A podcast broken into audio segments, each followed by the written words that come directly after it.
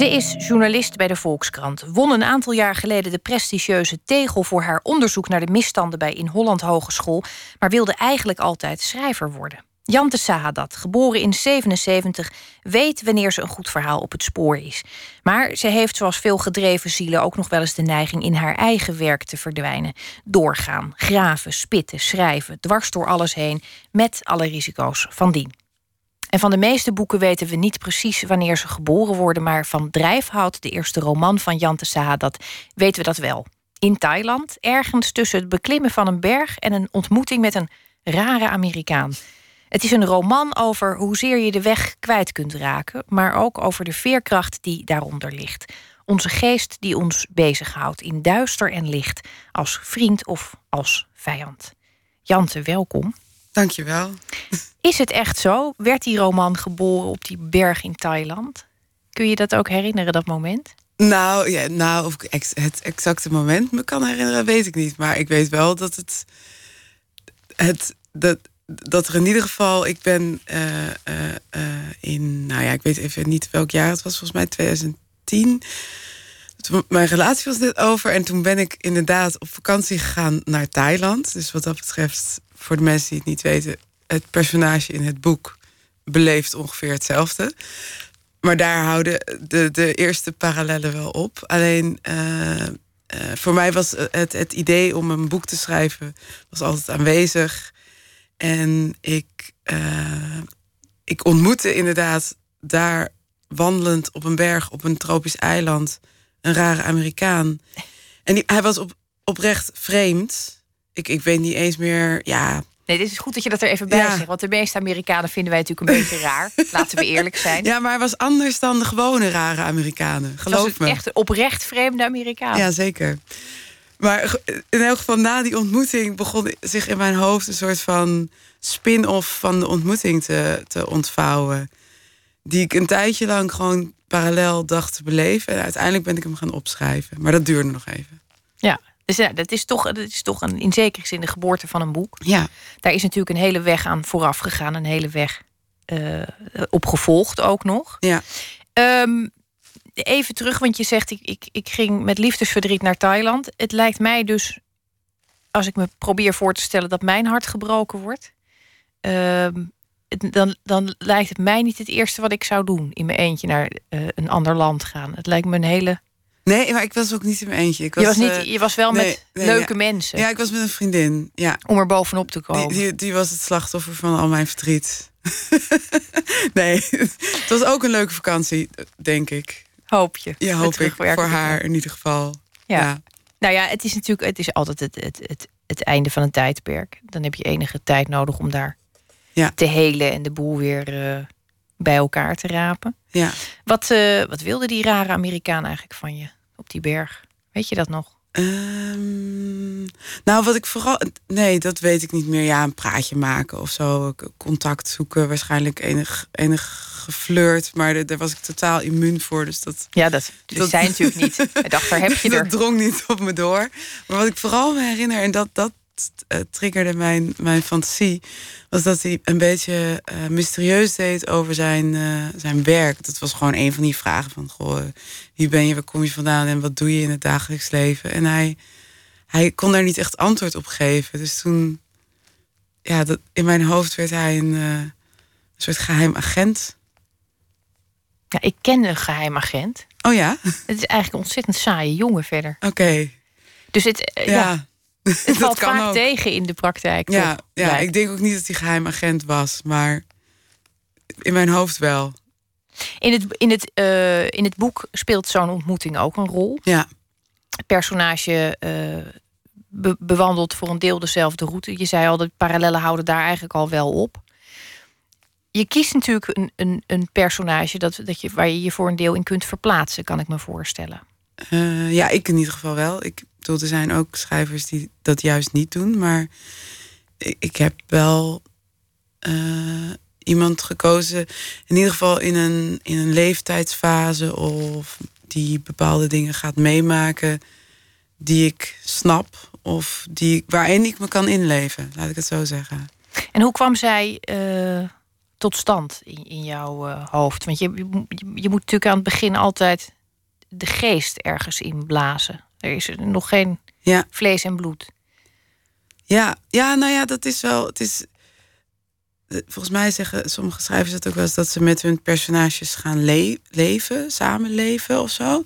Ik heb ooit een keer een, uh, was een, een lezing van David Mitchell, de schrijver. En dat vind ik een geweldige schrijver. En die, nou ja, in die zaal zaten ook mensen die echt hele praktische vragen van... Goh, hoe schrijf je dan zo'n boek? En hoe bedenk je dan je hoofdpersoon? En, en hij vond het ook helemaal niet vervelend om op die vragen in te gaan. En hij vertelde toen dat hij karakters creëert... en dat hij dan die karakters vragen stelt van... Uh, uh, of, of, dat hij wil weten van zijn, zijn ze uh, gescheiden, zijn ze religieus, houden ze van nasi. Ehm, nou ja, dat soort zaken. En dat hij in de loop van de tijd dan gewoon die, die mensen leert kennen. En ik merkte dat. Ik, ik weet niet of ik zulke letterlijke vragen heb gesteld aan mijn karakters. Maar dat naarmate ik aan het schrijven was, dat voelde als een soort heel logisch proces. Begonnen de personages nog meer te leven en echt te worden. En ja, personen die ik leerde kennen te worden of zo.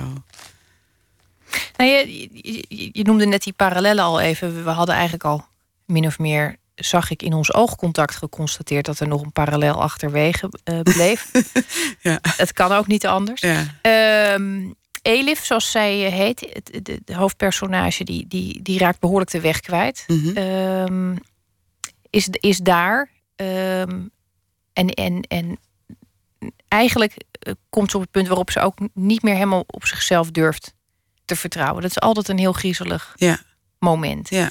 Dat moment heb jij ook beleefd, een mhm. aantal jaar geleden. Ehm, ja, je kunt je bijna niet voorstellen dat je zo'n stralende verschijning bent. En dat koppel je niet direct aan iemand die overmand werd door een depressie. Mhm. Dat is wel het geval. Ja. Ehm, hoe, hoe kijk jij naar die periode als je nu terugkijkt? Want je staat nu weer aan de goede kant, zal ik maar zeggen. Ja, ja, ja zeker. Uh, nou, ik kan, ik kan er nu in ieder geval echt naar terugkijken. Dat, dat duurt ook best wel een tijd. Ook al is, is dan uh, de depressie een soort van officieel voorbij op een zeker moment. Dan nog voel je, voel je nou ja, alsof die als een soort van uh, schaduw nog een beetje achter je aansluipt. Omdat het een ik weet dat. Ehm, volgens mij is het me wel eens uitgelegd als in. Want het is natuurlijk heel onduidelijk hoe zoiets nou precies ontstaat. Is het een chemisch proces? Zijn het gebeurtenissen? Waarom overkomt het een wel en de ander niet?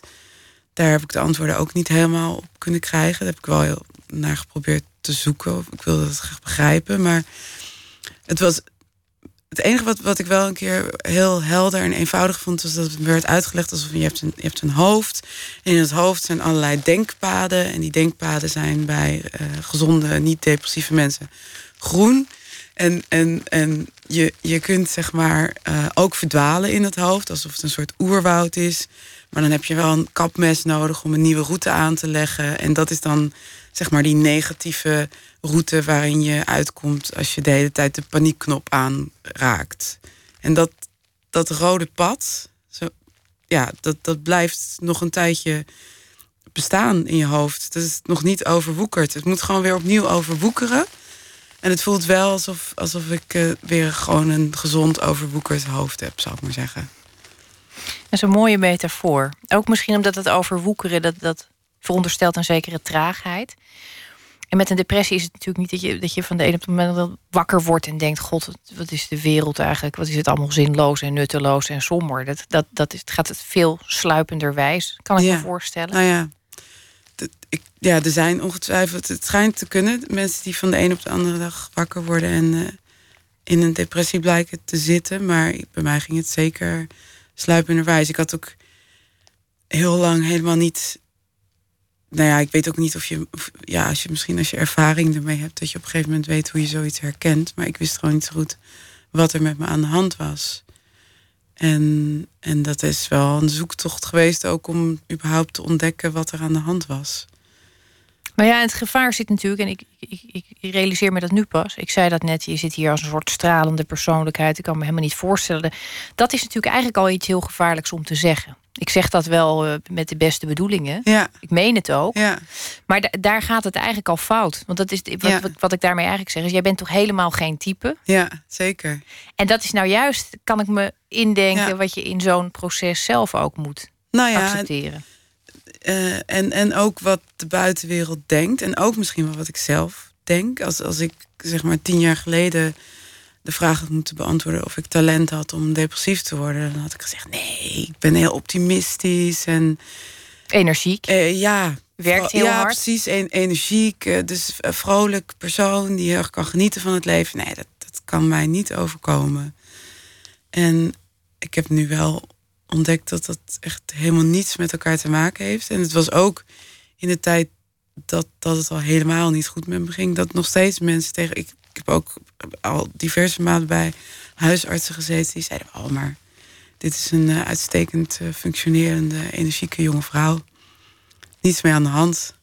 Omdat, ja, omdat je ook een soort masker aan de buitenkant hebt van vrolijk en eh, nou ja, niets aan de hand, zou ik maar zeggen. Ja, dat blijft blijkbaar heel lang intact. Dat, Eh, nou ja, bij mij in ieder geval wel. Ja, dat, dat bleef. Ik, ik bedoel, als ik nu foto's terugzie uit die tijd, dan denk ik wel, ik lijk wel een soort geest. Maar dat, omdat je toch iets van een soort van stoïcijnsere gezichtsuitdrukking krijgt. Dus ja, dat klinkt idioot, maar dat is echt een beetje zo.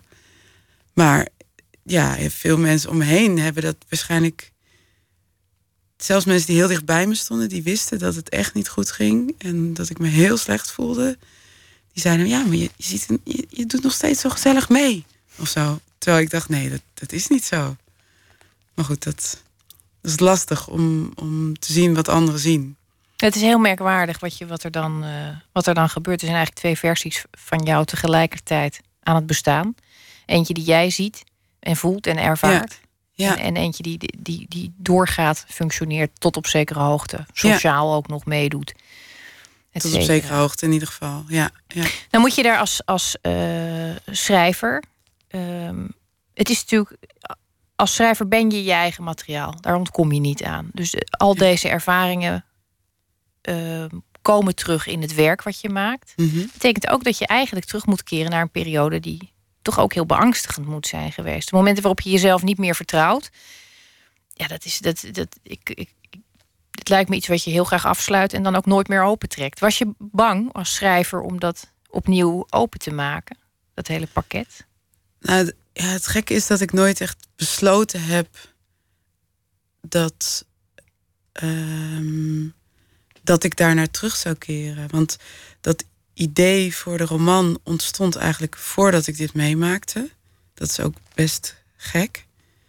Eh, en vervolgens heeft dat ook wel een tijdje stilgelegen, omdat ik het toen meemaakte. En ik ben weer gaan schrijven eigenlijk in de periode dat ik aan het herstellen was. En eh, nou ja, het, het, het, het, eh, de stukken die donkerder zijn in de roman, laat ik het zo zeggen, die hebben me wel moeite gekost. Maar die, kwamen. Het was in mijn schrijfproces was het een soort van zelfsprekend van dat, dat er iets ging gebeuren. Ik weet niet precies hoe dat dan. Het is niet dat ik een soort plot had uitgewerkt. Ik, wist, in, ik kon in, in drie regels mijn verhaal vertellen en daaruit ben ik gaan werken. Maar toen ik die donkere stukken tegenkwam, was het af en toe. moest ik ook gewoon stoppen met schrijven. Of dacht ik, oh, dit, dit wil ik eigenlijk helemaal niet. Is afschuwelijk. Nu komt het gewoon terug. Dus ik, ik, het was ook niet de bedoeling dat het een of ander therapeutisch proces zou worden of zo. Maar ik, ik dacht gewoon, nee, maar ik heb dit materiaal. En, en mijn Elif maakt dingen mee. En ik moet gebruiken waar ik toegang tot heb. Of toe heb. Maar niet altijd met even groot plezier. Dat Had je, had je dan wat aan, je, aan, de, aan, aan de journalist in jezelf? Je bent natuurlijk eh, journalist bij de Volkskrant. Die tegel, ik noemde het net al even, Ja. voor onderzoeksjournalistiek. Een hele prestigieuze prijs. Ehm, ontzettend gedreven in je werk. Dus misschien ook een van de, de, de dingen waar het mis is gegaan in de periode dat je depressief werd. Dat je zo ge- geconcentreerd kan werken dat je daar ook helemaal in verdwijnt. Mhm. ja, dan is schrijven natuurlijk en een heel ander vak. Maar het is ook wel zo dat je een stuk discipline en een stuk objectiviteit meeneemt. Ja. De ervaring die je hebt. Had je daar op dat moment ook iets aan? Dat je, dat je als journalist tegen jezelf kon zeggen: er zit verdorie een verhaal in en je gaat het eruit halen? ja, nou ja, een beetje wel. Het gek is dat ik daar zelfs iets aan had toen ik, bij zo'n spreken, toen ik eh, rondliep in de GGZ, als ik het gewoon even zo mag noemen. Dat ik heel vaak dacht, dat ik, weet je, dat ik naar mezelf kon kijken en dat ik dacht, oh, dit is echt afschuwelijk, wat doe ik hier? Maar ik tegelijkertijd dacht, ja, maar als ik als journalist hier toegang tot had, toe had proberen te krijgen, was het me niet gelukt. En je loopt hier nu wel. Maak er gebruik van. Probeer als journalist alles te observeren. En dat, nou, dat was bijna een soort van. Uh, een soort uh, minimum, maar toch een, een soort houvast. En dat heb ik ook wel bij dat schrijven van, van een roman gebruikt, inderdaad. De, nou ja, in ieder geval uh, dat je als een soort van nieuwsgierigheid, nieuwsgierige entiteit buiten jezelf kan treden en naar jezelf kan kijken als onderzoeksobject of zo. Want hoe oud is die nieuwsgierigheid? Uh, je wist eigenlijk altijd al dat je wilde schrijven. Volgens mij begint dat heel vaak met een, een, een honger naar verhalen of een besef, god, die twee die daar zitten te smoezen, wat, waar zouden ze het over hebben? Ja. Het zijn vaak hele kleine dingen die heel jong al begonnen zijn. Was dat ook zo in jouw geval? Ja, ja, ja. Ja, ja tenminste, het is, ik vind het heel lastig te zeggen wanneer het dan precies er was. Maar ik kan me gewoon niet herinneren dat ik het ooit niet wilde. Dus het is de bewijs van spreken van het moment dat je snapt dat er verhalen bestaan. En dat er boekjes aan je worden voorgelezen. Dat je denkt, ja, maar dit is wel echt het allerleukste wat er is in de wereld. Dus dat schrijven is, was gewoon ook heel jong al een tweede natuur. Ik schreef ook alles op. Ik had allerlei, ik bedoel niet per se goed hoor, maar ik vond schrijven was een combinatie van vastleggen en uh, van fantaseren. Dus ook slechte dagboekjes met uh, bij oma geweest, friet gegeten en uh, geen appelmoes of weet ik veel. Weet je, het was niet allemaal even interessant. Maar het, het was wel een soort van de magie dat, je zelf, dat jij mag beslissen wat er komt te staan. En ook gewoon lezen. Dat was, ik had een enorme leeshonger altijd. En dat heb ik eigenlijk nog steeds. Ik, ik denk dat ik me ook veel langer nog lezer heb gevoeld dan schrijver. Pessoa komt even langs in het boek, hè? Ja. Is dat echt een, een, een god voor jou ook geweest? Uh, een, invloed? Nee, dat zou ik dolgraag willen zeggen. Omdat het natuurlijk wel een hele mooie inspiratiebron zou zijn. Maar dat is eigenlijk iemand die ik pas vrij laat, gewoon ja, in mijn studententijd, via een vriendin of vriend ben tegengekomen en waar ik dan ja, passages van ben gaan lezen. En, en hij heeft gewoon zo. Het boek De Rusteloosheid is dan een soort van aaneenschakeling van prachtige frases die het leven in al zijn uh, miserabiliteit uh, weten te vatten. Dus dat, ja, daar, kan ik wel heel erg van genieten. Maar of het nou, het is, ik zou hem niet als mijn grote inspiratiebron of mijn god noemen, nee. Nee, hij kwam natuurlijk ook op een, op een latere leeftijd. Je hebt al vaak een cruciaal boek gehad als je gaat studeren. Dat, tenminste, bij de meeste mensen is dat. Kan je dat nog herinneren, wat dat was op de middelbare school? Wat je dan wat, je, wat je raakte of wat je stuk las? Nou, ik heb, ik heb best lang uh, dat, ik kan me vooral nog herinneren dat ik enorme moeite had om de overgang te vinden van de, de kinderboeken naar de volwassen boeken. Want ik, ja, die volwassen boeken, die, ik denk dat er waren heel veel pubers die dan met rode oortjes uh, Turks fruit aan het lezen waren of zo. Maar dat had ik helemaal niet. Ik wilde gewoon fantasieverhalen. En, en dan kwam je al snel in, in genreboeken uit ja, daar kon ik er niet tegen dat het zo slecht geschreven was. Dat had ik ook al heel dat snel. Dat je dus wel al. Nou ja, of, of het klopte. Ja, ik denk ook dat het wel klopte. Ja, hè? Ja, Tuurlijk wel. wel. Ja. ja, nee, dat, ja, ik had wel al sterk het idee dat dingen mooi geschreven moesten zijn. Dat vond ik ook belangrijk. Ik kon ook niet tegen. Ik weet nog dat hij had zo'n schrijfster, Anne Rutgers van der Loef. Het waren ook hele ouderwetse boeken met lawines razen of weet ik veel, dat soort titels. En ik vond het dan allemaal zo, zo houterig geschreven. Dat kon ik niet lezen. Maar nou ja, ik weet wel dat ik. Ik vond op school, vond ik wilde ik eigenlijk. Toen begon mijn voorliefde voor Engelse literatuur vooral. met Nederlandse schrijvers heb ik het nooit zo. Uh, ja, ik weet niet waarom. Het is heel raar eigenlijk, omdat ik wel. Het is wel mijn taal en ik schrijf er dolgraag in. En ik lees het nu ook steeds meer. Maar ik, ik wilde op school ging ik eigenlijk meteen al Engels lezen. En dan ik weet nog dat ik de Cement Garden van Ian McEwan las. En dat ik daar was ik echt.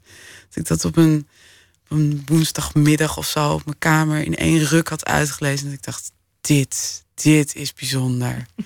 Zoiets moet ik toch ook op een dag kunnen presteren. Nou ja, dat wist ik niet, maar dat, ja, dat, dat riep wel iets op. Dan had je natuurlijk ook uh, heel klassiek literatuurwetenschappen of uh, Nederlands kunnen gaan studeren om schrijver te worden. Je hebt toch gekozen voor journalistiek. Nou, nee, ik heb, ik heb geschiedenis gestudeerd in eerste instantie. En ik denk, ja, dat, is nooit een hele weloverwogen keuze geweest, eerlijk gezegd.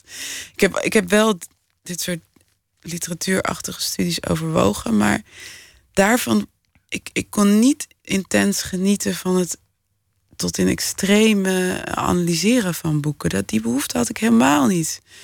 Ik, wat dat betreft was ik bijna een oppervlakkige lezer. In de zin dat ik gewoon wilde verdwijnen in het boek. Ik leefde met de personages. Ik maakte het boek mee.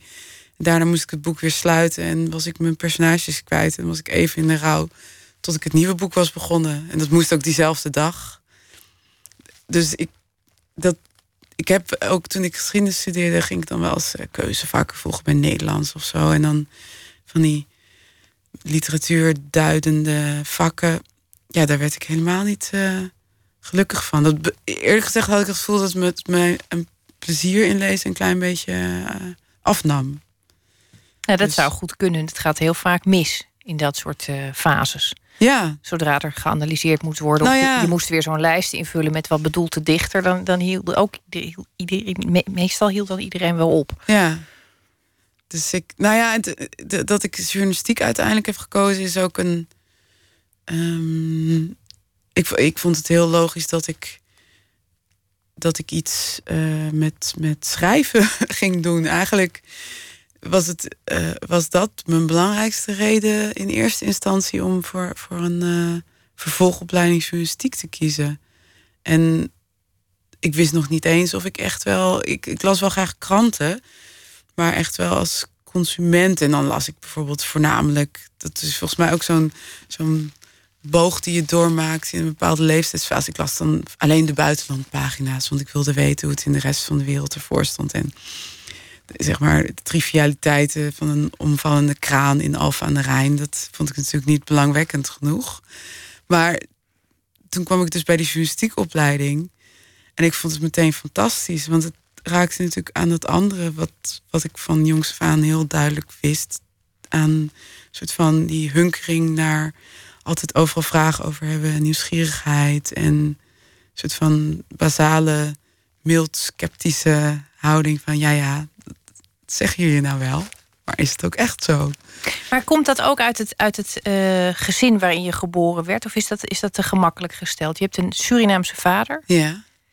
Uh, dan ben je dus automatisch van twee kanten, zal ik maar zeggen. Mm -hmm. En die geschiedenis was, was ver weg. Die lag ook echt nog in Suriname. Heb je daar iets als kind van gemerkt? Van die toestand? Of is, het, of is dat nu te ver gezocht? Van mijn eh, kant. Maar je bedoelt van de geschiedenis van, van mijn familie? Nou, of in dat, er, dat er in je vaders leven een soort breuklijn loopt tussen Suriname en Nederland. Oh, ja, dat ja. jij hier opgroeit en, en toch van twee kanten thuis bent. Of eigenlijk bij twee kanten ook weer vreemd bent. Dat, zo kan je het ook zien. Voelde je dat ook zo? Was je een. Uh, ja, ja, dat ik. ik of, ja, dat, precies wat je zegt eigenlijk. Het voelen. Kijken of dat zo is. Is natuurlijk een heel ander verhaal. En dat zou ik nooit kunnen zeggen, want je zit gewoon gevangen in je eigen perceptie. Maar ik was me daar heel erg bewust van. Ik, ik groeide ook op in een soort klein wijkje in, uh, in, een, uh, in, een, in een straat die tussen Rijswijk en Delft in lag. Waar iedereen, ja, iedereen was gewoon wit. En mijn vader was de bruine man met één dochter die half bruin was, zou ik maar zeggen. En dat, dat was ik. En ik, ik, ik weet niet of, of mijn omgeving mij daar nou op wees. Of dat ik me dat zelf gewoon enorm realiseerde. Ik, ik, ik, ik wilde toen ook dolgraag gewoon blond haar en blauwe ogen en niet zo'n rare voornaam. En erbij horen. Opgaan in de massa. En uh, ja, dat, dat, ik ben dat altijd wel enigszins blijven houden. Maar dat is ook, mijn vader is zelf best wel iemand die uh, zich heel bewust is van andersheid. Of in ieder geval van eventuele uh, uitingen van racisme of discriminatie. Dus ik ben daar ook altijd een beetje op gewezen. En, en, en misschien ook als je inderdaad, zoals jij zegt, van twee kanten bent, dan hoor je dus ook bij allebei niet echt. En daar heb ik wel altijd naar gezocht. Naar plekjes om erbij te horen. En andere, andere halve Nederlanders.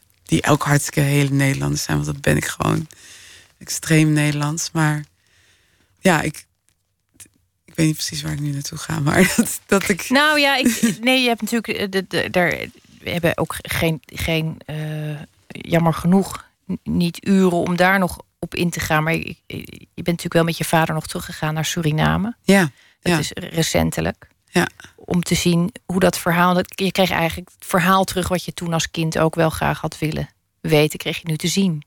Ja, nou ja, mijn, mijn vader heeft altijd wel heel veel verteld over zijn kindertijd.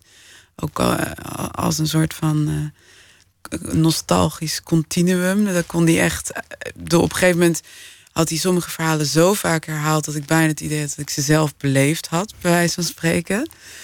Uh, zeg maar uh, zwemmen in de Suriname-rivier, terwijl ik die hele Suriname-rivier nog nooit gezien had. En, maar mijn vader is dus, hij is heel jong uh, weggegaan uit Suriname, niet, niet geheel naar eigen keuze, zou ik maar zeggen.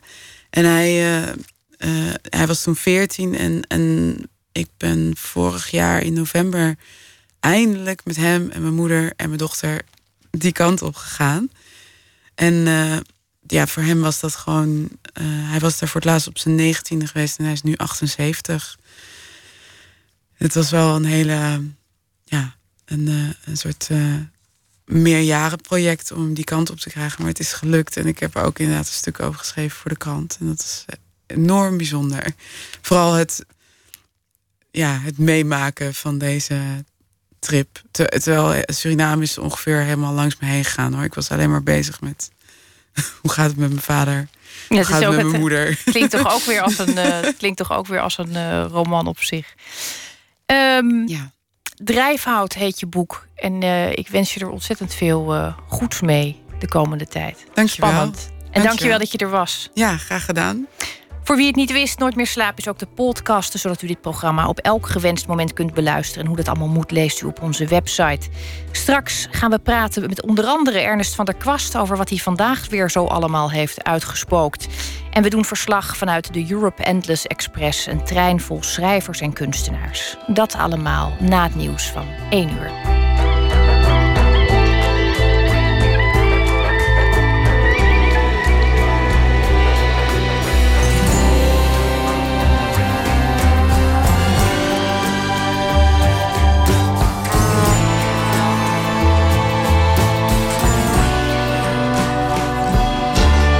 Radio 1.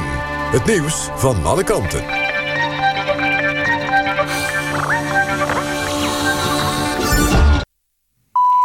Het is 1 uur, dit is Maud met het NOS Journaal. Terreurverdachte Salah Abdeslam wilde zich kort na de aanslagen in Parijs overgeven. Dat zegt zijn advocaat in een Belgische krant. Hij was in november al benaderd door iemand uit de omgeving van Abdeslam. De advocaat kreeg vervolgens twee keer iemand in zijn kantoor die zei dat hij de neef van Abdeslam was. Het contact leidde tot niets. Abdeslam werd uiteindelijk op 18 maart opgepakt in het Brusselse Molenbeek. Hij is inmiddels uitgeleverd aan Frankrijk. Gewapende mannen hebben in de hoofdstad van Bangladesh een restaurant bestormd en tientallen mensen gegijzeld, onder wie zeven Italianen. Het restaurant ligt in de diplomatenwijk en is populair bij buitenlanders. IS zegt achter de aanval te zitten en zegt dat er twintig doden zijn, maar dat is niet bevestigd. De politie houdt het op twee doden. Het Nederlandse ministerie van Buitenlandse Zaken zegt dat alle Nederlanders van wie bekend is dat ze in Bangladesh zitten veilig zijn. Voor het eerst komt de Amerikaanse regering met cijfers over slachtoffers van drone-aanvallen. Sinds begin 2009 en eind vorig jaar werden in Pakistan, Jemen en Afrika ruim 2500 terroristen gedood. Oorlogsgebied wordt niet meegerekend. Het aantal burgerdoden zou liggen op 64 tot 116. Maar mensenrechtenorganisaties denken dat er veel meer burgers zijn omgekomen en noemen cijfers van 200 tot 900 doden. En op het EK voetbal heeft Wales voor een grote verrassing gezorgd. De Welshmen versloegen België met 3-1 en staan daarmee in de halve finales. België kwam in de derde minuut op een 1-0 voorsprong, maar nog voor rust kwam Wales op gelijke hoogte en in de tweede helft scoorde het nog twee keer. Woensdag speelt Wales in de halve finales. De tegenstander is dan Portugal. Het weer opklaringen, op de meeste plaatsen droog. Overdag geregeld zon, maar ook kans op een bui. Het wordt 16 tot 19 graden en er waait een stevige wind. Zondag weinig verandering, alleen dan minder wind. En dit was het NOS Journaal. NPO Radio 1. VPRO. Nooit meer slapen.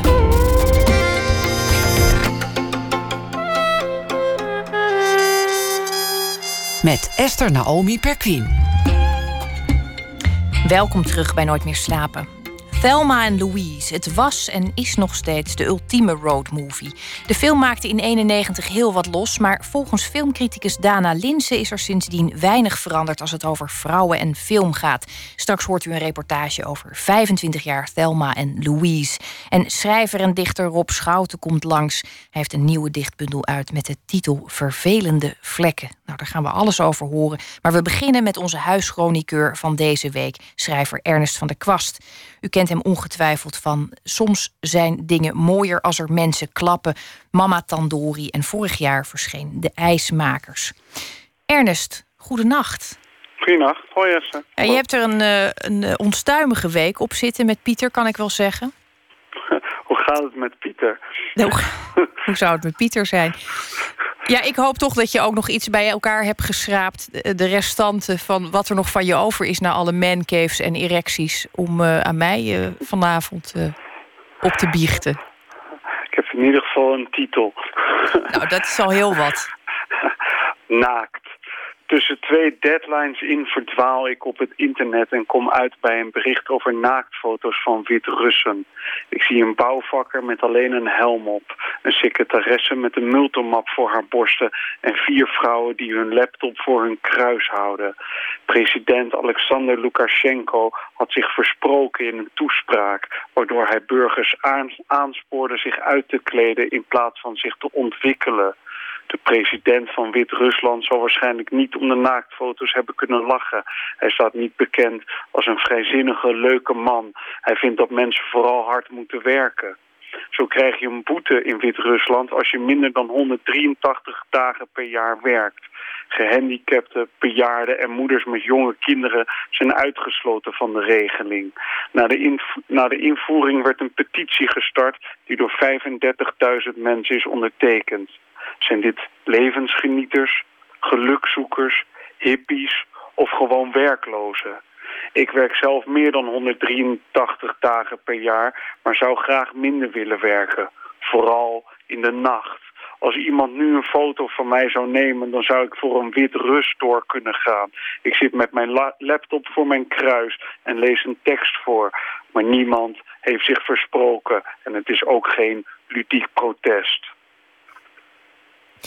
Ernest, ik vind dit toch een, uh, een, een beklijvend beeld wat ik nu van je krijg. Heb jij enig idee eigenlijk of er naaktfoto's van jou in omloop zijn? Uh, volgens mij wel. Uh, is, ik denk wel dat ik door, door tenminste drie fotografen in ieder geval dan iets uit moest doen. En volgens mij mocht ik dan wel mijn onderbroek aanhouden. Ik denk, maar, en niet tenminste Marie-Cecile Thijs, een, een fotograaf, Vincent Mensel... En Lenny Oosterwijk, volgens mij, de ja. fotograaf. Dat ik die namen midden in de nacht weet. Ik vind het ook indrukwekkend. Ja, die, die hebben allemaal, waarschijnlijk weet ik alleen de naaktfoto's nog, die fotografen. maar die hebben allemaal gevraagd, uh, ik begreep ook niet waarom een schrijver naakt moet. Maar ik ben niet poedelnaakt geweest, zoals Julia Leonard Vijver voor... Uh, voor op de achterkant van een dichtbundel. Maar ik ben ook geen dichter. nee, daar zijn we je ook nog steeds allemaal heel dankbaar voor. ja, dat ik niet naakt op de achterkant van mijn eigen dichtbundel sta. ik vind het altijd een enorme pre als dat niet uh, gebeurt. Het lijkt me zo koud voor die Wit-Russen. Heb jij daar niet over nagedacht? Hoe ze dat allemaal dan doen? Nou, volgens mij vergis je je. Ik denk dat, dat Nederland op dit moment een stuk kouder is dan dat... dat uh, daar heb je toch een... een uh, ik was in Georgië een keer in... het kan er toch vrij warm worden, denk ik.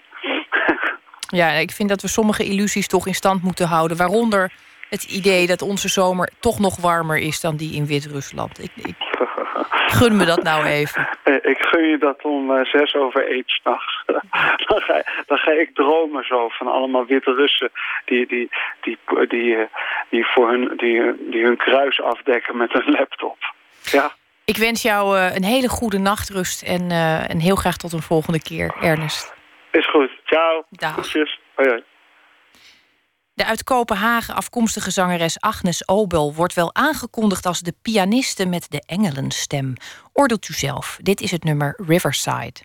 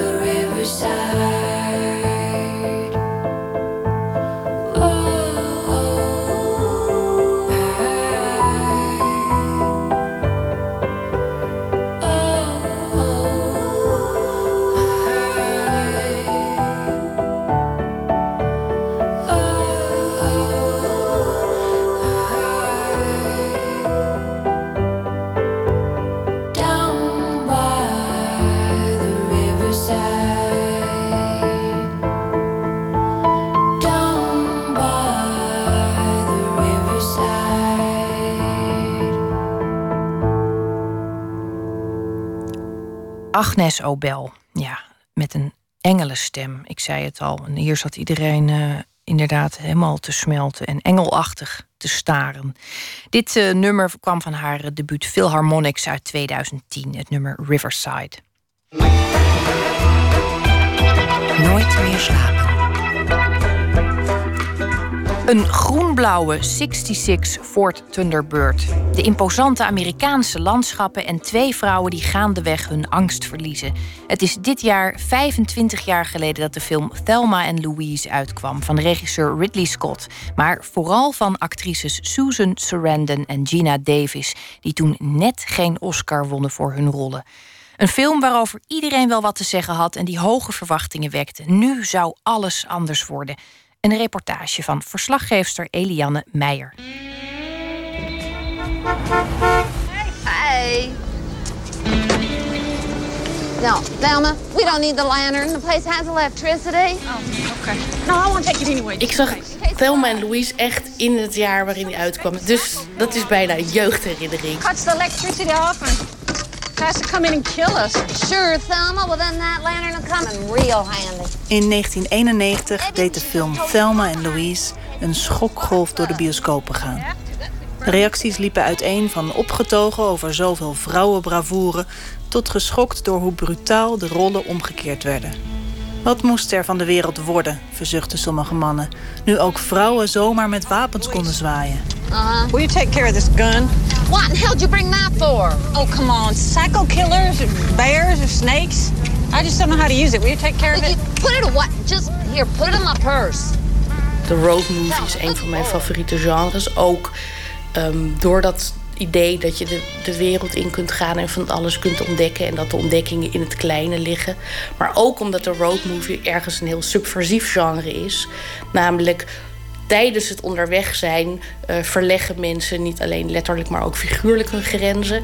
En uh, voortkomend uit dat idee van de western, waarin steeds de Amerikaanse frontier, de Amerikaanse grens wordt opgeschoven, is er ook altijd een herdefinitie van moraal, van gezag, van uh, menselijke en wereldlijke wetten. En dat roept de road movie heel sterk op. En dat zijn thema's waar ik bijzonder in geïnteresseerd ben. Filmcriticus en hoofdredacteur van de filmkrant Dana Linsen was rond de 20 toen ze voor het eerst kennis maakte met Thelma en Louise. En ze weet nog dat ze juichend de bioscoop uitliep. De euforie van de film ligt eigenlijk in twee dingen. Dat zijn, uh, dat zijn de personages die hun lot in eigen handen nemen en het meest stoere gaan doen wat ik nog steeds vind wat er is. Ik heb geen rijbewijs, maar een auto pakken en, uh, en de wereld ingaan. Uh, het andere euforische is, zit heel erg in de film of in de filmtaal zelf. Namelijk dat gevoel van die eindeloze wegen in Amerika met die vrijheid en die horizonten die maar nooit dichterbij komen hoe, hoeveel je ook aan het rijden bent. De film is enorm wijd en rijk. Dus als je daar naar zit te kijken, dan heb je ook het gevoel dat de wereld aan je voeten ligt. Het verhaal is klassiek geworden. De vriendinnen Thelma en Louise, gespeeld door Gina Davis en Susan Sarandon, wilden alleen maar een weekendje gaan vissen om even weg te zijn van hun benauwde leventjes achter het aanrecht. Maar als Thelma bijna wordt verkracht en Louise vervolgens haar belager neerschiet, slaan ze op de vlucht. Als ze dan ook nog al hun geld kwijtraken, is er geen weg terug. Cowboys worden ze, inclusief hoed en revolver en de FBI die achter ze aankomt.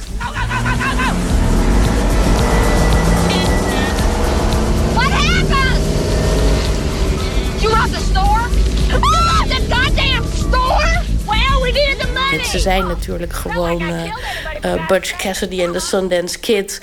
Um, dus Paul Newman en, en Robert Redford... Die, die ooit eens in een western dit soort gedrag vertoonden. Outlaws, maar eigenlijk aan de goede kant van de wet. Nou, dat gevoel krijgen we ook bij Thelma en Louise. Come on, get a us to goddamn Mexico, will you? Okay.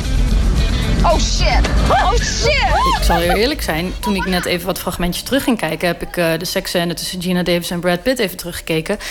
En dat was natuurlijk ook wel voor mijn eigen plezierige vijf minuten. Maar... Brad Pitt is daar 27, hè? Prima, heb ik geen moeite mee. Maar... Nee, nee dat bedoel ik niet. Kijk, dat bedoel Brad ik niet. Pitt is daar wel een lustobject. En dit is best wel nieuw. En het is best wel verfrissend. Emma Curvers, hoofdredacteur van filmplatform Cineville, was zes jaar toen de film uitkwam. Ze zag de film in haar tienerjaren. Hoe uniek de film eigenlijk was en nog steeds is, drong pas tot haar door toen ze zich ging verdiepen in de man-vrouw verhouding in de film. Kijk, in Thelma en Louise heb je twee vrouwelijke hoofdrollen die allebei heel belangrijk zijn en complex zijn en die dingen doen die niet mogen.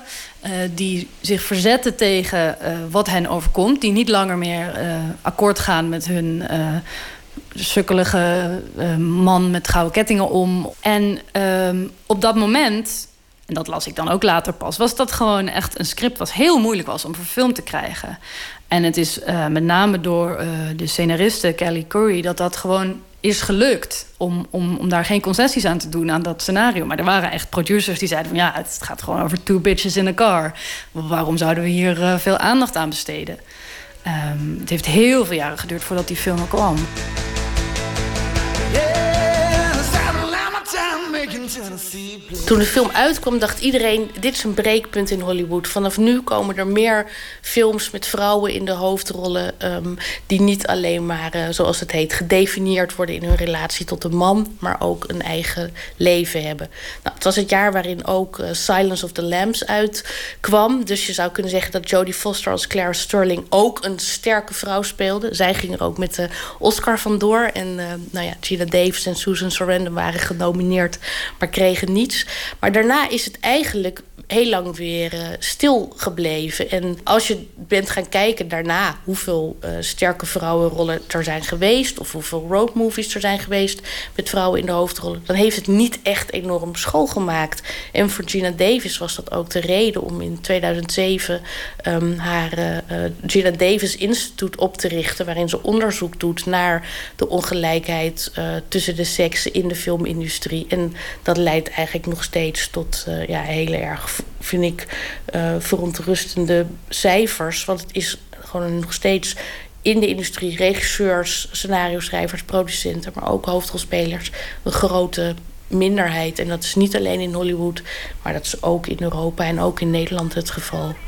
Toch beweegt er iets in Hollywood.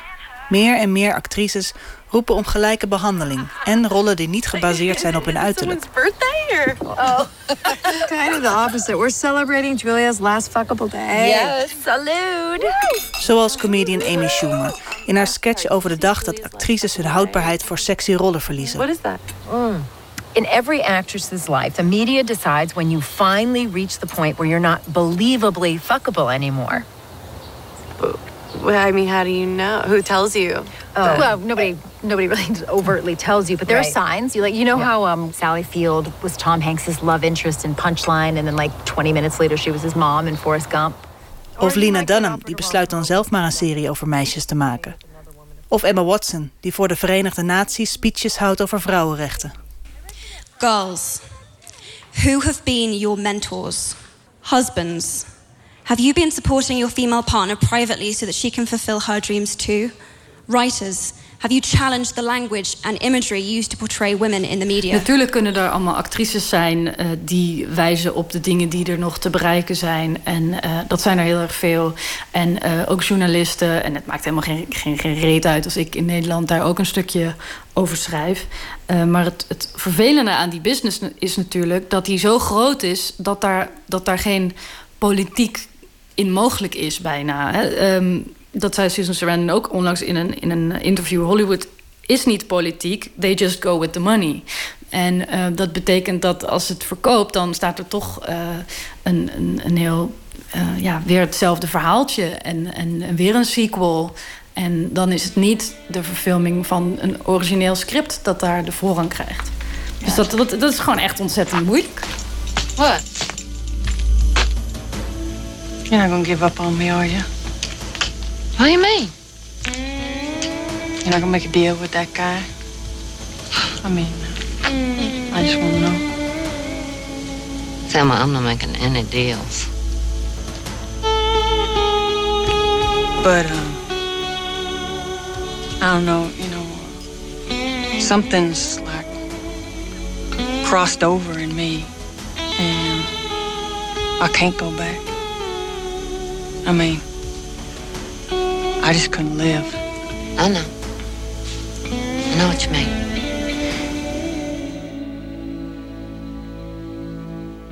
Toen Gina Davis ooit de vraag kreeg of er een sequel zou komen, antwoordde ze dat het nogal moeilijk zou worden, omdat Thelma en Louise plat als een dubbeltje zijn. Het is misschien veel betekenend dat de vrijgevochten vrouwen hun avontuur niet overleven. Maar onsterfelijk, dat zijn ze wel geworden. Dana Linsen. Misschien zou je 25 jaar na dato wel moeten zeggen dat Thelma en Louise nog meer dan een vrouwenfilm eigenlijk een film is over vriendschap. En natuurlijk worden er mannen en vrouwen rollen, seksrollen, genderrollen, uh, allerlei rolpatronen worden omgedraaid.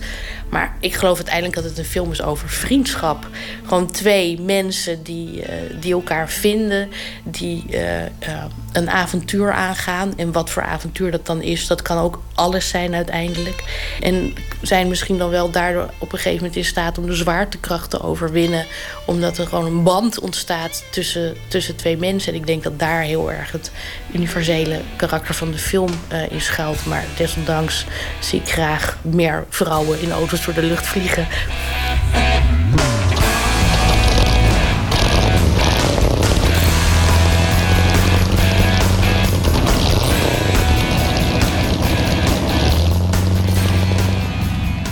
Meer vrouwen in auto's door de lucht vliegen. U hoorde filmcriticus Dana Linsen en hoofdredacteur van Cineview Emma Kusters over de legendarische film Thelma en Louise, dit jaar alweer 25 jaar oud. Reden om hem nog eens te bekijken. Of voor wie hem nog niet gezien heeft, Bof Conte.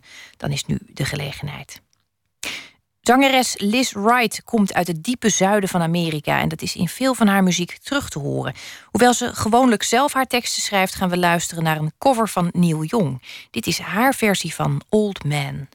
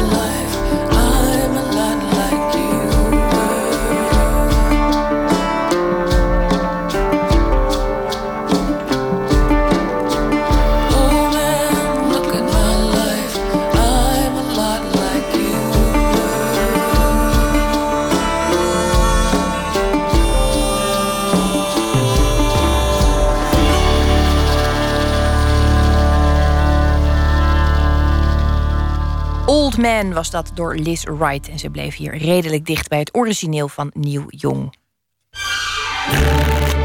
Open kaart. In onze rubriek Open Kaart trekt de gast kaarten uit een bak met 150 vragen over werk en leven. En deze keer doen we dat met dichter, schrijver, essayist, columnist en literatuurcriticus Rob Schouten. Sinds hij in 1978 debuteerde met Gedichten 1 zijn er vele dichtbundels van zijn hand verschenen. En aan dit mooie oeuvre is een nieuwe dichtbundel toegevoegd met de prachtige titel Vervelende Vlekken. Rob, welkom. Dank je. Het is alweer een tijd geleden dat we elkaar zagen. Zelfs vrij intensief. Dat is in uh, Istanbul was dat, een aantal ja, jaar geleden. Toen nog, ja. op, een, op een festival. Ja. Dat is nou typisch zo'n gelegenheid waar uh, dichters samen klieken en een beetje mopperen. En het viel mij toen op dat jij daar eigenlijk niet zo goed in bent, in dat echte gemopper. Je schoot halverwege bijna altijd in de lach. Nou ja, ik ben ook een reiziger, dus ik vond het hartstikke leuk in Istanbul. En uh, je kunt wel mopperen op allerlei dingen die misgaan. Maar ik eigenlijk voel ik me uh, uh, geprivilegeerd dat ik daar rondloop, als ik eerlijk ben. Dus ik ben niet zo'n mopperaar, vind ik zelf. Maar ja.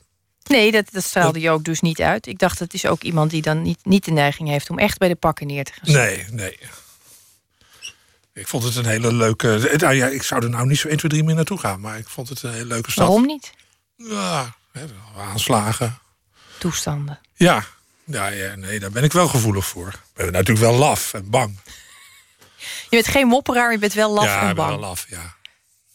Nee, ik, ik, vond in dit, uh, deze nieuwe bundel trouwens ook weer opvallend dat je uh, de, de, neiging hebt zodra het enigszins duikt naar waar het pijn gaat doen.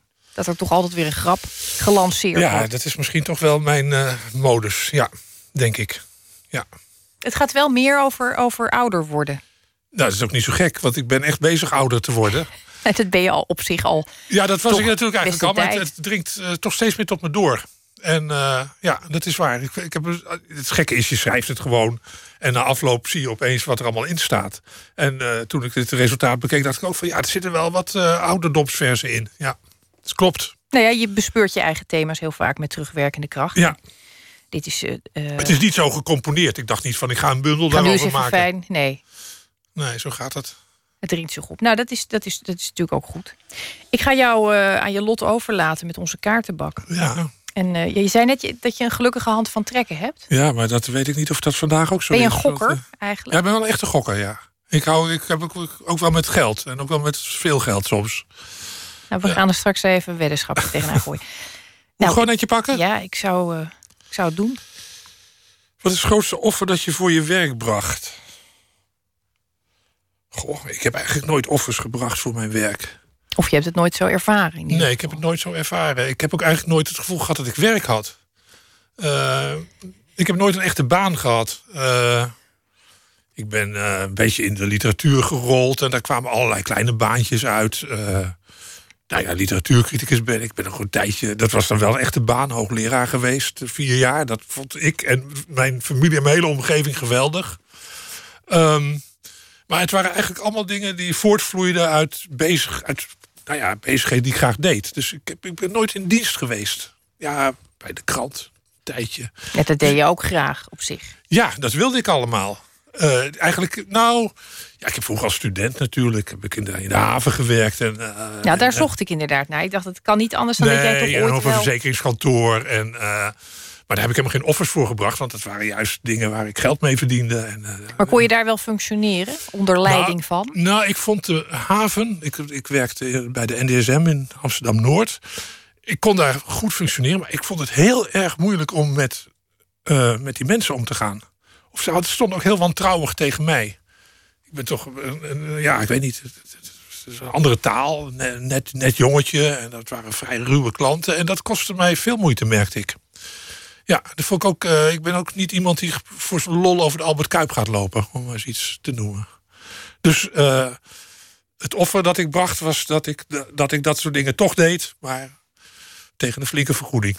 Heb je daar eigenlijk nog over geschreven? Nee, dat is wel heel lang geleden. En ik moet ook wel zeggen dat ik er vaak aan terugdenk. Ik was brandwacht, dus ik zat de hele nacht door op zo'n op zo'n ha op zo'n uh, op zo'n terrein. Uh, moest ik met sleutels rondlopen en uh, best andere mensen zouden het misschien wel griezelig hebben gevonden van die lege fabriekshallen. Maar Ja, het was een hele gekke tijd. Ik denk er wel vaak aan en ik droom er ook wel vaak van. Maar echt over geschreven heb ik niet. Ja, het, het lijkt mij dan toch weer Ja, misschien moet ik dat nog eens thema. een keertje doen. man Maar- met sleutelbos die over een leeg Ja, ik terrein... zou er eerder iets proza-achtigs van maken, denk ik. Ik vind verlaten fabriekshallen sowieso ja, en altijd. dat, het, ja, ik vond het fascinerend ook op een bepaalde manier. Want ik moest door de hal heen, maar ik moest ook door de kamer van de directeur heen. En dan sta je opeens in een hele andere omgeving, gelambriseerd en met... eh, Heb je dan wel zo'n En een van- sigaartje gepikt? Nou ja, dat soort dingen. Kleine bedrijfsdiefstallen natuurlijk. Ja. En eh, ik dacht ook van, ik kan, ik kan doen en laten wat ik wil. Want ik ben... De man met de hier. sleutels. Ik ben de man met de sleutel. Het was... eh, Het klinkt toch ja, als een eh, mooi stukje van je opvoeding. Ja. Maar echte offers, nee. Dat, ik heb niet het gevoel dat ik voor mijn werk offers heb gebracht. Trek nog een kaart. Ja. Nou, deze, dat is volgens mij de beste. Welk boek had je zelf graag geschreven? Nou, dat kan ik je wel vertellen. Dat is een boek van Wessel de Gussinklo. Ken je die? Nee. Eh, opdracht. Of de op, nee, het heet geloof ik opdracht. Of anders heet het de opdracht. Het is een eh, boek dat gaat over een jongetje dat naar een zomerkamp gaat en eh, en zichzelf een opdracht heeft gegeven om daar geslaagd te zijn en, en, en daar een beetje de show te stellen. Dat gaat helemaal mis. Gereformeerd zomerkamp, christelijk zomerkamp. Ik kom zelf ook uit die hoek en ik, eh, dat, dat is een, ja, het is 600 pagina's puur puberverdriet. En het is zo goed en slopend beschreven. Ik vind het echt een van de allerbeste boeken uit de Nederlandse naoorlogsliteratuur. Het is een schrijver die eh, ja, niet erg de aandacht trekt. Het is ook geen publieksboek. Het is, eh, daar is het veel te zwaar en te trekkerig misschien ook voor. Maar toen ik dat las, dacht ik wel van... als ik zo'n... als ik over mijn jeugd moet schrijven... of als ik mijn eh, opvoeding ter sprake zou willen brengen... dan zou ik zo'n boek willen schrijven. Willen durven schrijven ook. Want het is helemaal niet een makkelijk boek... of heel erg toegankelijk of wat dan ook. Het is ook taai op een bepaalde manier... maar ook wel fascinerend. Op, de manier waarop Russische schrijvers... je soms kunnen biologeren. Dostoevsky. Moet ik dan aan denken. Ja, die de Gussinklo, dat is wel iemand. Was jij, was jij zo'n jongetje dat dan, dan gebukt ging onder een, een zwaarwegende god? Nou ja, ik kom uit een heel godsdienstig milieu. Zevende dagsadventisten. Mijn vader is, eh, was predikant. Ik, ging eh, als eh, klein, nou ja, tiener was ik eh, zeer zwaarmoedig onder het geloof. Ja. ja, ik was ook heel erg bang voor de apocalyps. Dat is bij ons in de kerk, of was bij ons in de kerk een heel groot issue, een heel groot onderwerp. En ik heb me daar met heel veel moeite van losgemaakt. Dus ik, ja, ja, ik heb dat wel meegemaakt. Ja. En soms nog. Ja. Nee, nou, dit, dit- van- ik, ik, ik zit nu direct weer eh, schaamteloos te psychologiseren. Maar ik denk nu direct, god, ik kan me wel voorstellen dat je dan eh, met zo'n achtergrond eigenlijk ongeschikt wordt voor echte zwaarmoedigheid. Dus zodra het zwaar Nou, dat is wel grappig dat je dat zegt. Want ik had pas geleden een gesprek met een vriend van mij... die heel erg optimistisch is opgevoed... en die eigenlijk nu een beetje in een soort zwaarmoedige fase zit. Hè. De wereld gaat ten onder of wat. dan- En ik heb het allemaal al bedacht in mijn tienerjaren. Dus het valt mij eigenlijk nog wel mee. Het zijn wel vlekken, maar het zijn en vervelende vlekken. Maar ze kunnen er wel uit. En eh, ja, dat, zo zie ik het wel. Ja. Ik geloof wel dat het eigenlijk wel louterend heeft gewerkt... dat ik als kind zo bang was voor allemaal eh, dat soort zaken. Het kan dus ook eh, uiteindelijk dan de goede kant op Ja, kantelen. het kan eigenlijk alleen maar beter. Als je als kind heel erg bang bent voor allerlei eh, maatschappelijke... maar ook religieuze en, eh, zaken... Ja, dan, valt het, dan valt het eigenlijk best mee. Ja, en je- als je groot bent mag je dan ook nog gokken. En achter de Je vrouwen mag, je mag allerlei dingen doen die in je jeugd, waarvan je in je jeugd denkt dat ze zondig zijn. En, op een gegeven moment denk je van, nou ja, who cares? Hè? En dat gevoel heb ik wel heel sterk de laatste 50 jaar. De laatste 50 jaar heb je dat gevoel. Dus ik, nou, dat is me wel opgevallen. Pak nog een kaart erop. Ja. Wat wil je absoluut nog maken? Ja. Nou, eigenlijk twee dingen. Ik heb een roman liggen, die, die is al af, dus die hoef ik niet nog te maken, maar die durf ik niet goed in te leveren. Hoe lang ligt hij er al? Nou, ligt er al best een tijd. En omdat hij er heel lang ligt, zit ik er ook steeds weer aan te peuteren. En, eh, maar, eh, maar hij ligt er toch al wel een jaar of vijf, zes, denk ik. En maar los daarvan zou ik, dat kan ik niet, maar dat zou ik wel willen, zou ik heel graag een strijkkwartet schrijven. Uh, ik heb toch één opus, opus 1 van Rob Schouten. Voor strijkkwartet. Voor strijkkwartet, ja. een van de mooiste vormen van muziek die ik ken. Ik hou heel erg van klassieke muziek. Het zal ook een volkomen anachronistisch werk worden... in de geest van Brahms en Schubert, dus wacht er niet van. Maar uh, dat is wel waarvan ik altijd gedacht oh, dat moet nog, dat moet nog. Die roman, die is er al. Die durf ik niet in te leveren, maar die is er wel. Die, die mogen ze na mijn dood uh, bij elkaar rapen. Maar dat strijkkwartet is er helemaal niet. Dus dat uh, wil ik, uh, dat moet nog. Je, je, kunt dus ook noten lezen. Ja, zeker. En ik speel ook heel graag piano. En ik ben ook wel echt met muziek bezig. En ik hou er heel erg van. En ik vind het strijkkwartet, ja, Goethe vond het al op een vorm, dat, die trouwens weinig van muziek wist. Maar ja, dat zou ik graag willen. Ja. Nou, dat is en, wel heel moeilijk hoor. Nou, dat, heel wat moeilijker dan een gedicht. Ik, ik vind noten lezen aan zich, daar, daar, daar houdt het voor mij al enigszins op. Dus ik ben nou, bij voorbaat toch onder de indruk. Oké. Uh, nu al van jouw uh, niet bestaande opus voor strijkkwartet. Maar wat is er voor nodig voor je het gaat doen, daadwerkelijk? Nou ja, je moet natuurlijk toch gewoon uh, heel goed nadenken. Kijk, ik ben helemaal geen muzikus. Ik ben ook geen zeker geen componist. Ik kan piano spelen, maar dat is natuurlijk heel wat anders. je moet heel erg goed. kijk, iedereen heeft in zijn hoofd wel melodieën en, en muziek. Of van wat dan ook. Of het nou Old Man Look at My Eyes van de Neil Young is. Of een strijkkwartet van Schubert. En dat moet je dus op papier weten te zetten.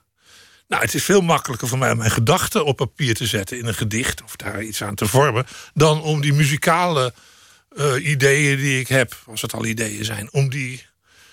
Ik heb het wel geprobeerd hoor. Ik heb wel allerlei vellen met, met akkoorden en partijen, maar dat, dat gaat niet gebeuren. Maar het, ja, het is gewoon het vertalen van wat er in je hoofd zit, natuurlijk. Ja, dat, dat kun je als schrijver en dichter heb je dat geleerd of geleerd, dat is gewoon hè, dat, dat, dat, die taal, dat, die, dat is onze taal. Eigen, ja.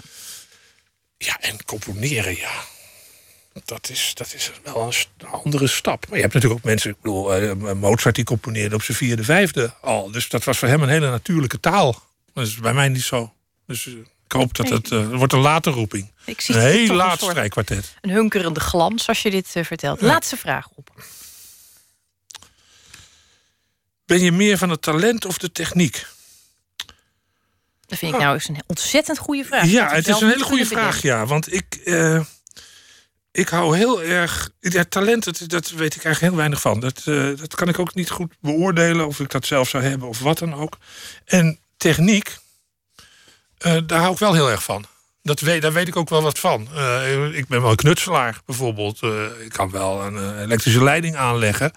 En. Um, Schrijf je ook zo? Technisch? Kijk je nou, dat, geloof, dat weet ik niet of dat nou technisch is. Maar het is wel zo dat ik altijd het gevoel heb dat, dat er behalve een soort fysieke motoriek ook een soort mentale motoriek bestaat. En ik geloof wel, talent is een heel onweegbaar iets. En ik zou er zelf niet erg op gokken. Laat ik het zo zeggen. En dat voor een gokker? ja, nou ja, goed, ik gok dan op iets anders, namelijk op de techniek. En uh, het is wel zo trouwens dat je bijvoorbeeld ook als je piano speelt, dat techniek, um, dat maakt je tot een interessant uh, muzikus. Maar talent maakt je tot een groot muzikus. Dus talent staat hoger. Alleen weet ik niet hoe je het moet beoordelen. Dus ik, ik ben natuurlijk, nou, wat ik al eerder zei, misschien de makkelijkste weg. Maar ik, ik, ik denk eigenlijk, als ik heel goed over nadenk, dat, dat als ik eerlijk ben, dat techniek niet hoger staat, maar wel belangrijker voor mij is. Dat vind ik mooi gezegd. Rob Schouten, dank je wel dat je er was. En ik vermeld nog even dat de bundel Vervelende Vlekken, je nieuwste dus, die is verschenen bij uitgeverij De Arbeiderspers. En komende week wordt die gepresenteerd. Dat klopt. Mick Harvey is een Australische muzikant die vooral bekend is van zijn langdurige samenwerking met Nick Cave. En voor de derde maal heeft hij werk van Serge Gainsbourg onder handen genomen. Bewerkingen die zijn samengebracht op het album Delirium Tremens. En een van de liedjes die daarop staat is A Day Like Any Other.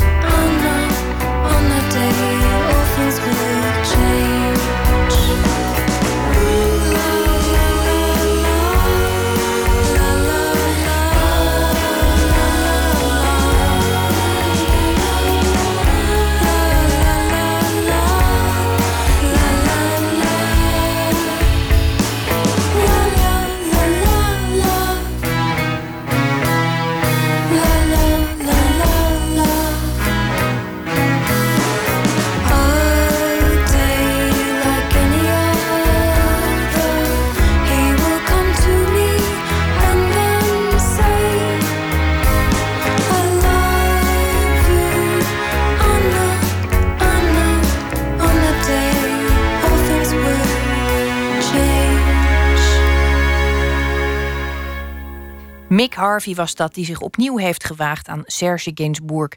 A Day Like Any Other heet dit nummer, met op zang Xante White. Nooit meer slapen. Gisteren vertrok uit Amsterdam de Europe Endless Express, het eerste treinfestival van Europa. Een trein vol schrijvers, kunstenaars, theatermakers en publiek rijdt in drie dagen door zes Europese landen. Het doel: nadenken over wat Europa is. En aan boord van die trein zit onze nachtcorrespondent Tjitske Musche. Die hebben we, als het goed is, nu aan de telefoon. Tjitske, Hey, hallo. Dag. Goedenacht. Nou, vannacht spraken we al even. Jullie zijn gisteren uitgezwaaid vanuit Amsterdam en toen naar Duitsland gereden. Ja, hoe is het sindsdien eigenlijk eh, gegaan aan boord? Nou, eh, goed, eigenlijk wel. Eh, gisteravond, nadat ik gesproken had met jullie, is er nog flink gedanst hier in de trein. Er, was een, er waren verschillende coupés met DJ's. En dat is toch wel een ervaring met heel veel mensen in zo'n wiebelende coupé dansen. Het ging behoorlijk heen en weer. Maar dat was leuk. En daarna hebben we allemaal ons bedje uitgeklapt. En ik slaap met, met vijf andere mensen in een coupé. En eh, nou, ik heb eigenlijk best redelijk geslapen. Eh, een beetje kort. Maar ehm, vanochtend toen we wakker werden, toen reden we door Sudetenland. eh, West-Tsjechië is dat. En dat was echt prachtig uitzicht. eh, heel mooi weer. En ehm, nou, via de intercom, dat is heel grappig. Ze hebben hier een intercom met allemaal, ja, daar komt allemaal informatie voorbij op een grappige manier over wat we allemaal zien en wat historische informatie.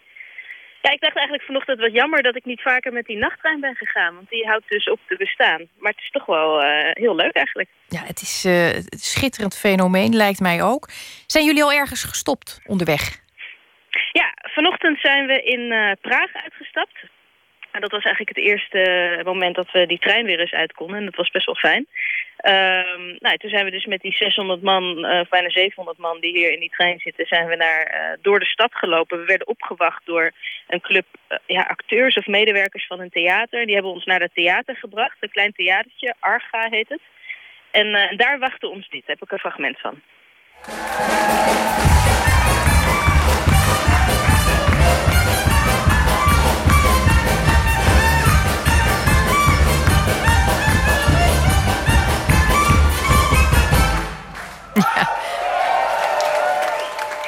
Nee, die sfeer zit wel goed, geloof ik, eh Tjitske. Ja, die zit wel goed. Dit was tien uur vanochtend, hè? En ehm, het is wel bijzonder, want in dat theater daar is de, de voormalige president van Tsjechië, die ook toneelschrijver was, eh Václav Havel. Die kwam hier veel en, en trad erop. En, ehm, nou ja, en nu speelde de, de, de All Stars Refugees Band uit Tsjechië samen met de Nederlandse theatergroep Wunderbaum. Nou, en het was echt een, een spektakel. Iedereen ging uit, zijn- uit zijn dak. Eh, Het was te gek. En toen zijn we uiteindelijk om één uur eh, weer met de trein vertrokken. Eh, dus ik heb weinig van Praag gezien, behalve dit theater. Maar ja, het was leuk. Ja, nee, daar is het natuurlijk ook niet voor bedoeld. Dan moet je toch weer gauw door. Hey, op die trein zelf gebeurt ook van alles. Wat heb jij vanmiddag bijvoorbeeld allemaal gedaan? Ja, het is dus zo, je wordt steeds met, met, in groepjes naar een bepaalde coupé geleid. En eh, nou, ik ben vanmiddag bij een optreden van Marjolein van Heemstra geweest, een theatermaakster, schrijfster. En dat ging over een Hongaarse schrijver, eh eh Georgi Konrad, en over zijn ideeën over Europa. Daar is een hele mooie voorstelling van gemaakt. En er was een lezing van een Sloa Sloaakse journalist die aan boord was gegaan. En ik ben bij een optreden van eh Juri Honing geweest met zijn kwartet. Dus uh, saxof saxofonist Juri Honing. En zij zouden eigenlijk een live soundtrack spelen bij een film. Die kon je dus ook zien in een eh, coupé. Film uit 1920, maar eh, de elektriciteit deed het niet. Dus toen eh, werd het een ja, soort soundtrack bij het landschap... dat we ondertussen uit het raam zagen. Dat was eigenlijk, dat werkte heel goed. En ja, het thema van deze reis is toch... wat is dan Europa? En dat, dat vroeg ik ook aan saxofonist Juri Honing. We hadden net vandaag, toen even een rondje liepen in Praag... er al over dat als je kijkt naar innovatie in de wereld... dat eigenlijk alle innovatie nog steeds tot op de dag van vandaag uit Europa komt. Dus zelfs als het uit Azië komt, er zit daar een Europeaan die het plan aandraagt. En ook in Amerika, in Silicon Valley of waar dan ook. En hoe is dat op het gebied van muziek? Nou ja, kijk, er is natuurlijk ook muziek van buiten Europa. Maar los van de echte authentieke volksmuziek... is alle muziek, inclusief de jazz, oorspronkelijk Europees. Dat is ook iets eh, waar je goed over na moet denken. En het, eh, er is geen continent zo geweldig met zo'n enorme geschiedenis. Enorme geschiedenis als Europa. En zo'n enorme verplichting ook om het bij elkaar te houden wat mij betreft. Ja, ik, hoop een ho ik hoor een hoop uh, trots eigenlijk hier. Waar ben jij nu op dit moment, uh, Tjitske, aanbeland? Nou, we zijn net uh, vertrokken uit Bratislava, Slowakije. En um, nou, het is ontzettend heet in de trein. We hebben geen airco en geen douches. De vermoeidheid is ook ingetreden. Um, maar vanavond zijn we uitgestapt in Bratislava. Um, dat was heel prettig, want er waren mensen met treinbenen. Zoiets heb je dus ook. Net zoiets als zeebenen, maar dan treinbenen. Dus het was even wennen weer uh, op vaste grond.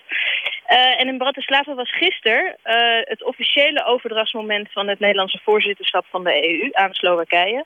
En daar was ook prinses Beatrix aanwezig. Maar goed, gisteren waren wij nog onderweg. Dus uh, vandaag hadden we met die 700 man een, een, soort ja, symbolische, artistieke overdracht in een cultureel centrum hier. Ja, wat, wat moet ik me daar precies bij voorstellen? Ja, nou, het, is een, het was een voormalige markthal die ze helemaal opgeknapt hebben. En uh, daar waren wij dus met z'n allen. En er waren uh, er was een parlementslid van het Slowakijse, Slovaakse uh, parlement. En die kreeg een kunstwerk aangeboden van ons. Een kunstwerk van David Bode. En er waren speeches van uh, historicus Philip Blom en Arno Grunberg. En Grunberg vroeg ik na afloop ook nog even wat Europa voor hem was. Voor mij is Europa niet zozeer een geografische plek, ook. Maar het is ook de, de geschiedenis van Europa. En ik noem het een, een nooduitgang. Het is een nooduitgang omdat in de vorige eeuw heel veel Europeanen moesten vluchten. En het is nooduitgang omdat nu heel veel mensen naar Europa toe komen... omdat het een andere plek is geworden. En de EU was eigenlijk ook een nooduitgang voor de catastrofes... die twee wereldoorlogen over dit continent hebben gebracht. En daarom voegde ik toe dat de Amerikaanse dream, wat natuurlijk eigenlijk een droom die wat een soort cliché is, maar ook als concept heel mooi, dat je een betere versie van jezelf kan worden, dat je iets anders kunt worden dan je bent, dat dat heel erg een Europees concept is. Dat Amerika natuurlijk heel erg een Europese gedachte is. Dus ik zei ook van ja, Amerika was ooit voor Europeanen een plek om heen te vluchten. En dat is Europa nu voor heel veel Afrikanen, voor Syriërs, voor Afghanen. Nou ja, dat is uh, mooi gezegd allemaal. Maar eigenlijk vond ik het mooiste vanavond een, uh, een hymne die uh, dichteres Saskia de Jong schreef. Zij is ook aan boord. En die hymne is gebaseerd op de volksliederen van alle landen van de EU. En nou, dat was een prachtige afsluiting. Ik zal een stukje laten horen. Noble women, beautiful maidens, who long and work for that bright day and man and brisk swains who long to see us together with different voices and only one heart. Sing along.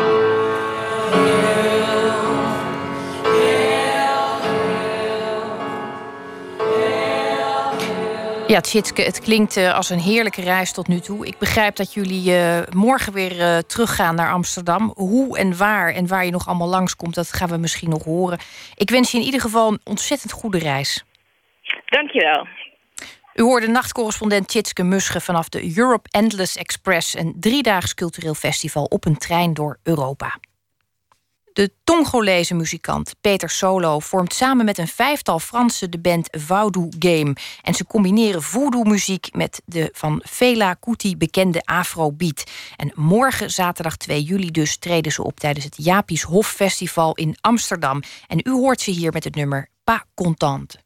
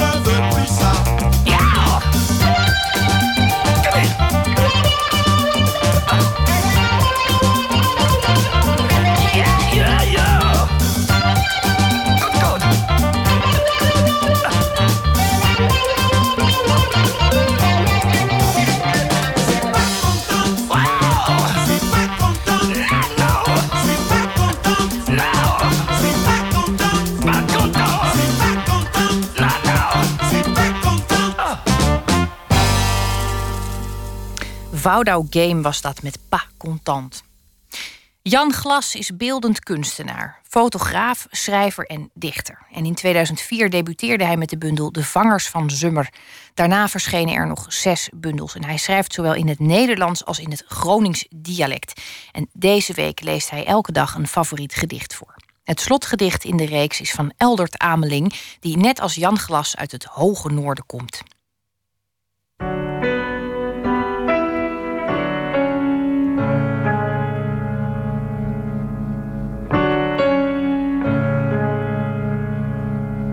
Volgende gedicht dat ik voorlees is van de Groninger Eldert Ameling. Ik vind Ameling een van de beste uh, dichters uh, die in het Gronings dichten. Hij leeft in een vrij in zichzelf gekeerde wereld, maar heeft een enorme fantasie. Waardoor er hele eigenzinnige uh, beelden en relaties in zijn gedichten sluipen. Wat ik zelf merk, omdat ik in het Gronings schrijf en voorlees, is dat wanneer ik voorlees, dat mensen heel erg hun best doen om het gedicht proberen te snappen, om het Gronings te begrijpen. Dat vind ik meestal een beetje jammer, omdat je dan niet echt geniet wanneer je probeert alles te begrijpen. Na twee, drie gedichten, wanneer ik voorlees, zeg ik dan: poëzie is je ook overgeven aan dingen die je niet helemaal begrijpt. Je hoeft niet alles te snappen. Geef je maar over aan de mooie klanken van het Gronings, eh, de, de blues van het Gronings. En meestal zie je ook een zaal dan een beetje tot rust komen. Zo van, oh ja, we hoeven ook niet alles te snappen. Want het, uh, het is poëzie. Je, je krijgt dingen te horen die je net begrijpt of net niet begrijpt. En dat is juist die spanning die poëzie mooi maakt. Lood. Lood, kameroot lood. Wat uit von hem in deze sloot, het heile dak van hut met zinken geuten. Lood, kameroot, lood. Zink het geen bein, dat loopt ja niet voort. Beziet stopt achter het bret door hem onderdoekers zeten. Niet best, kameroot, niet best. Geknooi, kameroot, geknooi. Misschien smelt loodje wel in han, door wilt nog niet ontbran. Mis, kameroot, mis. Door dunderslag sprong begond oren van kop af.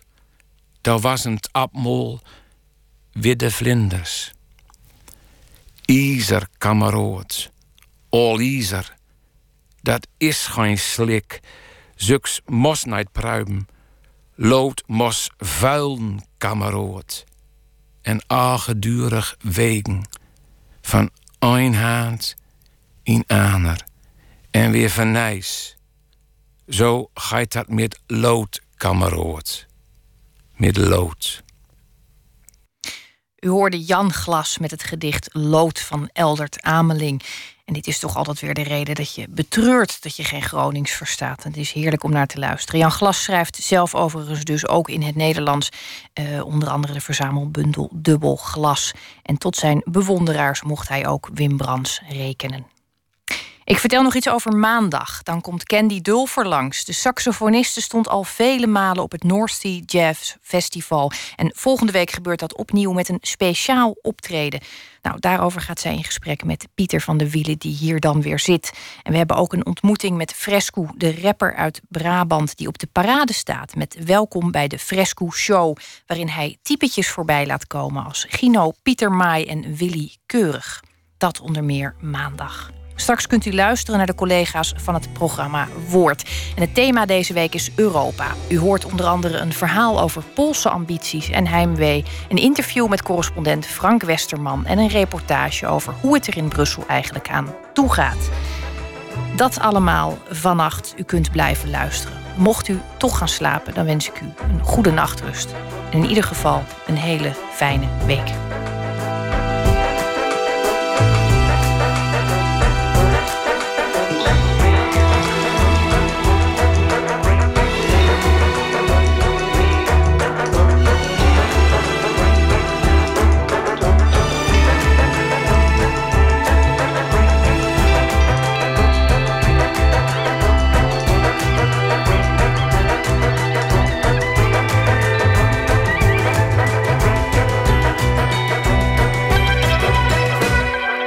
Radio 1.